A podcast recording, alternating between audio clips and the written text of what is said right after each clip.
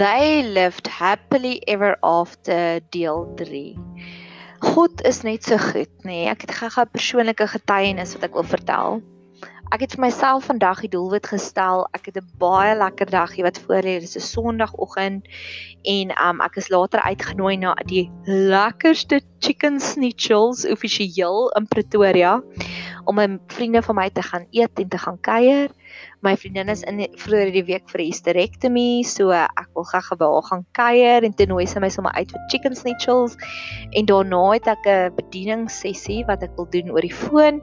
So dis 'n goeie dag en ek weet ek gaan lekkerder kuier en ek gaan lekkerder bedien laatmiddag as ek as ek my doelwitte bereik het vir die podcast.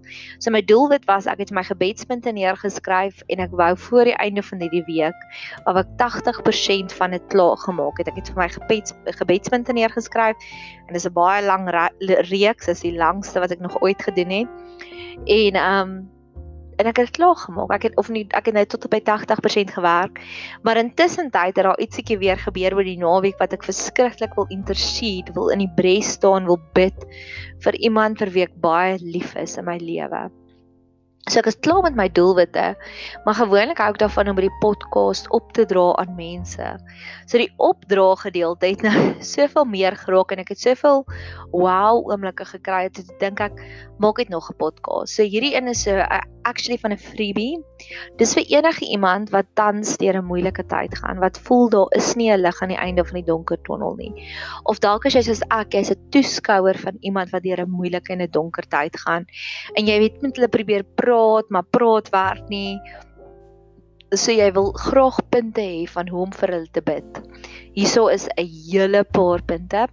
Ek gaan baie kruisverwysings maak, so jy's welkom om onderaan te kyk. Onderaan is in die in die description in die kommentaarboksie gaan ek al die kruisverwysings na die ander video's gee waarvan ek gaan praat. Maar voordat ek daarmee begin, wil ek die volgende saadjie by jou plant. Ek glo God kan in 'n oomblik kom en vir ons al die wysheid gee. Daar's dit die verhaal van Basileel en Oholiab in Eksodus 31. Hulle was die twee mense wat die wat die tabernakel gebou het. So hulle was ex-slawe. Al wat hulle kon doen voor die tyd was net bakstene maak. Hulle kon nie eens bou nie. En in 'n oogwink het God gekom en al die wysheid in hulle gedeponeer. En as jy deur die hele Eksodus lees en alles wat hulle gedoen het, sal jy sien hulle was bourekenaars. Hulle het uitgewerk watse materiale het hulle alles nodig. Hulle was argitekte, hulle was ingenieurs, hulle was goudsmids, hulle was klereontwerpers, hulle was um accountants want hulle het na die tyd stok geteken en gesê presies dit wat ons gebruik het. Hulle was bouers, hulle was loodgieters. Ek dink hulle was lood. Nee, daar was nie eintlik water daar nie. Hulle was ja, hulle was 'n verskeidenheid van van okkupasies in een oogwin. So alhoewel ek al die links gaan insit, weet ek dat tyd is 'n kosbare commodity en hoekom ek nou so akkel want ek het myself voorgenem ek gaan meer en meer dinge in Afrikaans sê en ek gaan dit opsoek so ek wil gou kyk. Ek weet dat tyd is 'n kosbare commodity kommoditeit. Hoe lekker anglisties daar. Maar in elk geval ek verwag nie van jou om elke een van dit te gaan deurkyk nie. Dalk hou jy baie van kennis soos ek en dalk is dit vir jou 'n bron, 'n kosbare bron van al my gunsteling um verwysings waarna jy kan gaan kyk.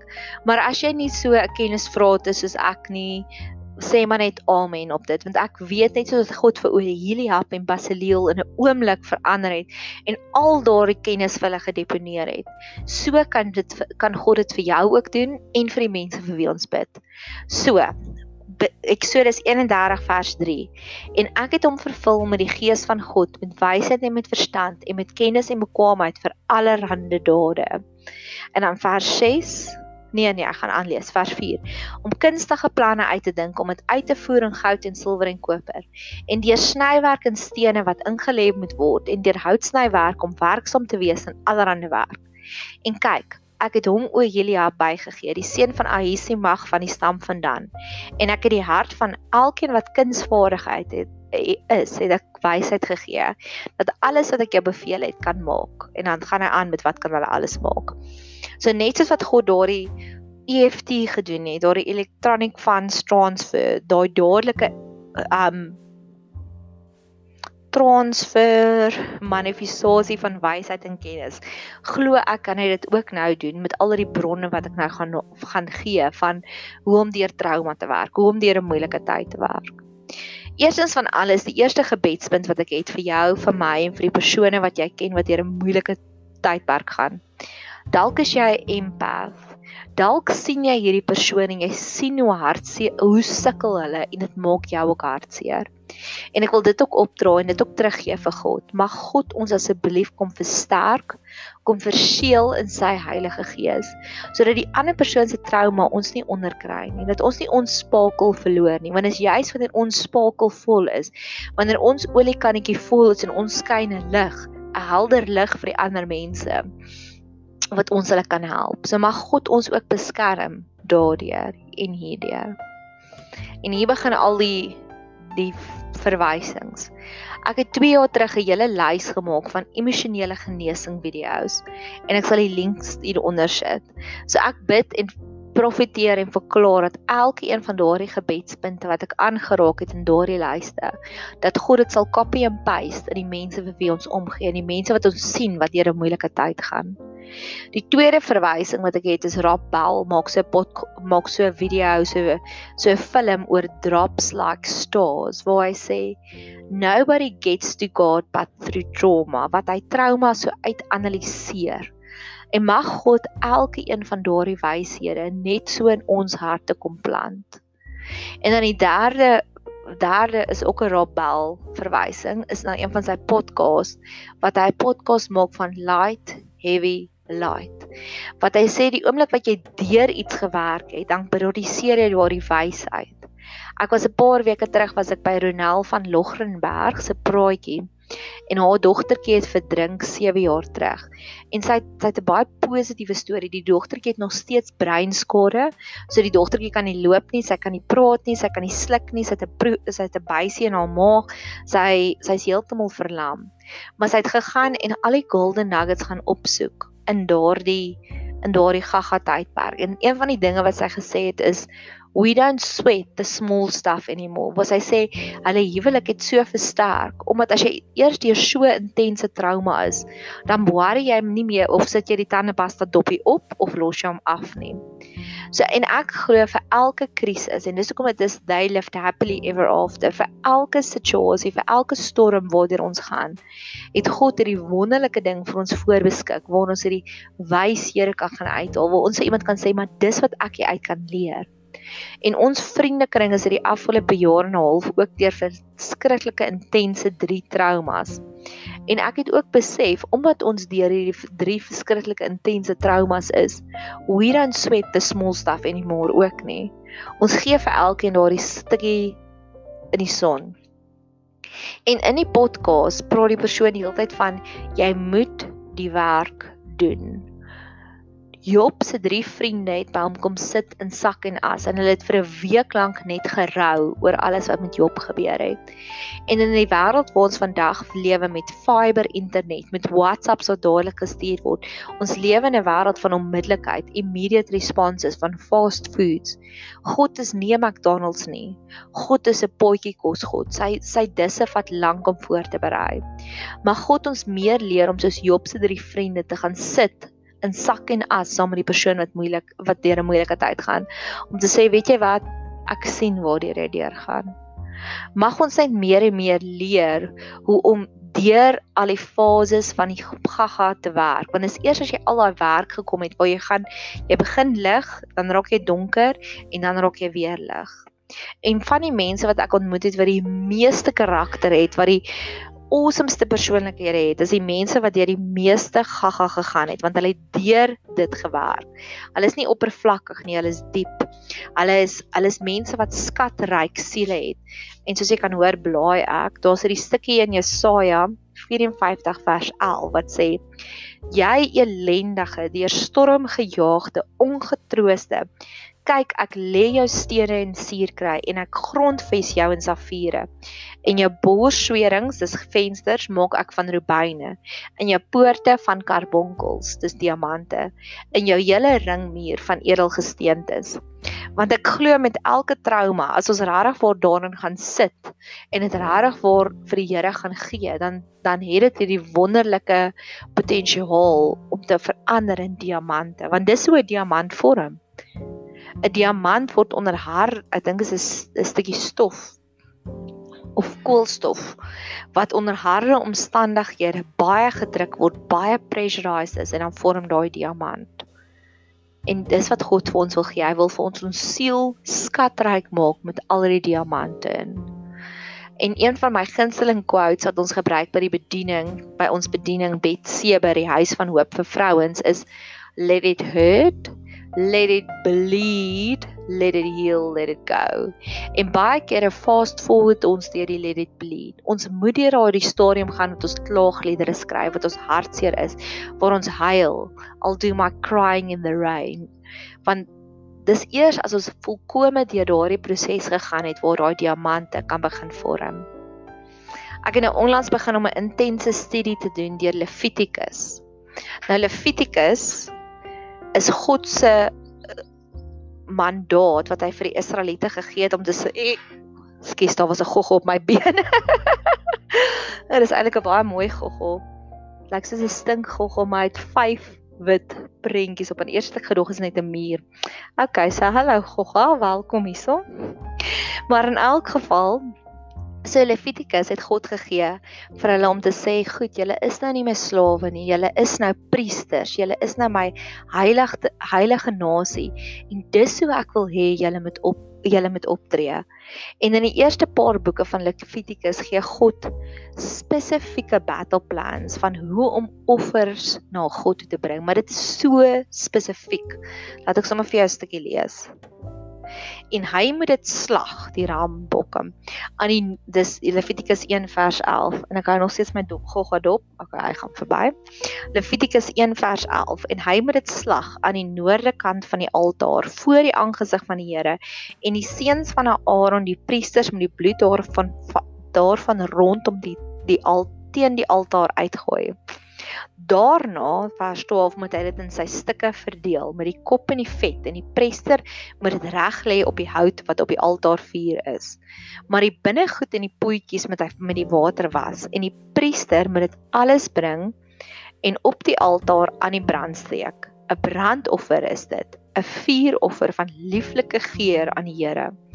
En wat vir my so, ek gaan dit daaraan. Wat vir my so merkwaardig was van Levitikus is die spesifieke gedetailleerde battle plan wat God gegee het vir Moses. En as jy 'n nuwe as jy 'n koek bak, dan vat jy 'n resep en daar's 250 gram suiker, 500 ml melk, 3 groot eiers. Dis nie vaagweg resepte nie, dis spesifieke gedetailleerde resepte. En dis wat ek so hou van Levitikus en ook van God, dat God is die God van orde. Hulle sê altyd God is in the ag the devil is in the details, maar ek stem eintlik nie saam nie. Ek dink God is in the details. So mag God vir jou en vir my 'n spesifieke battle plan gee vir elke probleem in ons lewe en ook vir die mense vir wie ons bid. Mag God vir ons elkeen vir hulle ook so spesifieke battle plan gee. Kom ons kyk gou of daar Afrikaanse woord vir battle plan. Net soos wat hy gedoen het in Levitikus, strydplan. Battle plan in Afrikaans is 'n strydplan. Die volgende wat ek wil vertel is die storie van emosionele kapasiteit. En ek het dit raak geloop vir die eerste keer in 'n TED Talk waar die persoon daarvan praat is te sê hy dit help nie jy het hierdie groot nuwe planne en jy probeer dit uit te voer maar daar's ander dinge wat jou emosionele kapasiteit laag maak nie. En hy het voorbeelde gegee soos hy sê 'n oorvol inbox e-mail inbox maak dat jy net so moeg is dat jy nie die nuwe planne kan uitvoer nie. En emosionele kapasiteit is nogals vir my 'n groot groot groot belangrike punt Want dit help nie jy gee vir iemand bemoediging, maar hulle emosionele kapasiteit is so laag nie dat hulle niks kan inneem nie. So ek wil nou ook my emosionele kapasiteit en die mense vir wie ek bid ook oorgee aan God en sê kom asseblief en gee vir ons vergroot asseblief die skure. Josef moes groter skure gebou het vir die farao heel in die begin in, in Genesis. So mag God net asseblief die leier wees, die kaptein wees, die baas wees van ons emosionele kapasiteit. Dan is daar ook die volgende wat ek ook graag met jou wil deel is deel is ons intensies. En dit kom ook uit 'n podcast uit en ek gaan my bes ag nee 'n podcast nie 'n TED Talk. Waar oor dit kom oor die leiers uit. Hoekom is leiers, party leiers goeie leiers? En in elk geval mag ons net daagliks vir onsself daardie vraag vra van hoekom? Hoekom doen ek dit? Ek het al die storie gehoor wat hulle sê as jy 'n 30 cm plankie vat en jy span hom oor 5 meter en jy sê vir mense loop daaroor, dan loop hulle maklik daaroor.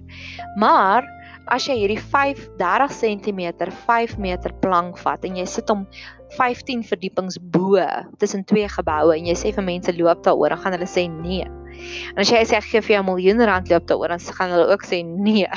Maar as daar 'n babatjie, die mamma is in die een gebou en die babatjie is op die ander gebou en die babatjie is op die gebou wat besig is om te brand, gaan daai ma sonder om te dink daai vat en oor daai plankie hardloop om die babatjie te gaan red. En baie kere sukkel ons om ons doelwit te bereik want ons besef nie hoekom ons dit doen nie. So mag God vir jou daagliks sê, kom ons begin met hoekom. Hoekom wil jy uit hierdie depressie put uitkom? Hoekom wil jy ander werk gaan soek? Hoekom wil jy jou werksomstandighede regsorteer? Jesus praat ook daarvan om te sê jy moet choose your battles wisely. So mag ons daagliks sê hierdie is regtig vir my belangrik genoeg dat ek sal oor daai 30 cm 5 meter plankie loop om daai babatjie te gaan red. En op daardie onderwerp het ek eendag hierdie storie gehoor van hierdie man, 'n noble man, 'n slim man wat geloop het om die koning te gaan sien. En op pad so en staan al die soldate daar buitekant, maar dit was laat in die aand. En die soldate moes dan 'n onderskeid tref, is jy 'n goeie persoon of is jy 'n slegte persoon? En toe skree die soldate vir die man daar, "Wie is jy en waarheen is jy op pad?" En dan die man het so vir hulle gekyk en hy sê, "Wie betaal julle om dit te sê?" En hulle sê die koning en hy sê, "Wat ook al die koning jou betaal, ek sal jou dubbel betaal om vir my te kom werk en elke dag daardie vraag vir my te kom vra." Wie is jy en waarheen is jy op pad? Mag ons daagliks daardie vraag vir onsself vra. Wie is ek? Ek is 'n kind van God. 'n Kind van God beteken ek sal meer as oorwinnaars hier uitstap. Met ander woorde, ek sal dankbaar wees vir die trauma wat my gebeur het. En waarheen is ek op pad? Ek is op pad na 'n volwasse gelowige. 'n Volwasse gelowige beteken ek gaan 40 jaar in die woestyn wees. Dit beteken ek gaan deur 'n wildernispad gaan. Ek is nou maar net in my wildernispad. Ek was 'n paar jaar terug en nou moet ek dit gou-gou gaan opsoek. Was ek by 'n um, 'n gebedstuin. Ek dink is Mosaïek is die kerk. Prayer Garden. Was ek by 'n gebedstuin en dit is een van die mooiste gebedstuine wat ek nog ooit was. En dit is nie dit nie. Okay, gebedstuin is in Magaliesburg iewers. En daar vat hulle jou deur 'n hele reis van die al jou verskillende seisoene van jou lewe. En ek kan onthou daar's so 'n plekkie waar jy so opklim met 'n berg en dan sê hulle partykeer is jy op die mountain top experience en dan ander kere is jy in die valleie. En dit is regtig vir dis 'n baie groot geestelike ondervinding om daardeur te gaan loop om te sê, "O ja, nou kan ek sien daar was ek nog in die vallei." En o ja, nou kan ek sien nou is ek op die mountain top experience. So wie is jy en waarheen is jy op pad? Die volgende wat ek ook vir jou wil bid, vir my wil bid, vir die persone wil bid wat deur 'n moeilike tyd gaan is om te sê die seën van die Here maak ryk harde werk voeg daarby niks toe nie. Dis een van my gunsteling beloftes en ek kom keer op keer daarmee terug om te sê Partykeer kry ons die perfekte werk en dis alles waarvoor ons deeltyd gewag het en ander kere is ons in 'n gaga omstandighede, maar die seën van die Here maak reg. Met ander woorde, selfs daardie gaga werk kan God vat en hy kan dit op jazz en hy kan dit wonderlik maak. Selfs die gaga omstandighede in ons lewe soos om inkopies te gaan doen, om te bestuur, kan God kom en dit kom op jazz. So my gebed vir jou, vir my en vir die persone vir wie ek bid, is mag jy daagliks vir jouself sê en vir God sê, Here, ek weet die seën van die Here maak ryk. So seën my asseblief in hierdie omstandighede. Al is dit sleg, al is dit dire straits, al is dit gaga, ek weet U kan kom en dit pragtig maak, dit lekkerder maak as 'n vakansie op 'n eiland. Johannes begin sy een van sy briewe en hy skryf daarso en ek wil dit vir jou lees. En is een van my gunsteling gunsteling versies in die hele Bybel. Jy kan hoor 1 Johannes 1 vers 4. En so 'n interessante storie van Johannes. Johannes was een van Jesus se disippels en op 'n stadium het hulle hom genoem die seuns van donder, want hulle was sulke bullies, hulle wou almal net reg slaan, hulle was karate atties. Hulle wou net almal reg slaan. Dat God het op 'n stadium vir hulle gesê julle seuns van donder. En later en in God se teenwoordigheid het Johannes so verander. Hy noem homself later die geliefde disipel. En as jy deel deur die hele verhaal deur Johannes se briewe lees, 1 Johannes en 2 Johannes en 3 Johannes.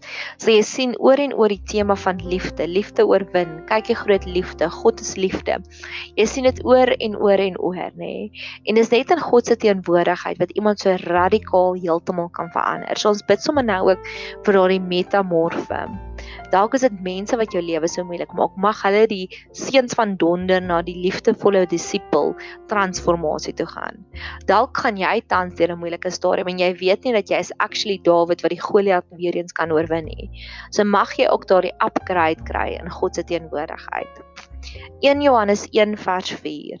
En ons skryf van julle hierdie dinge sodat julle blydskap volkome kan wees. En ek wil dit amper verander dat hierdie is my die opdra van hierdie podcast om te sê ek maak hierdie podcast vir die persoon aan wie ek spesifiek dink en ek maak dit sodat jou blydskap volkome kan wees.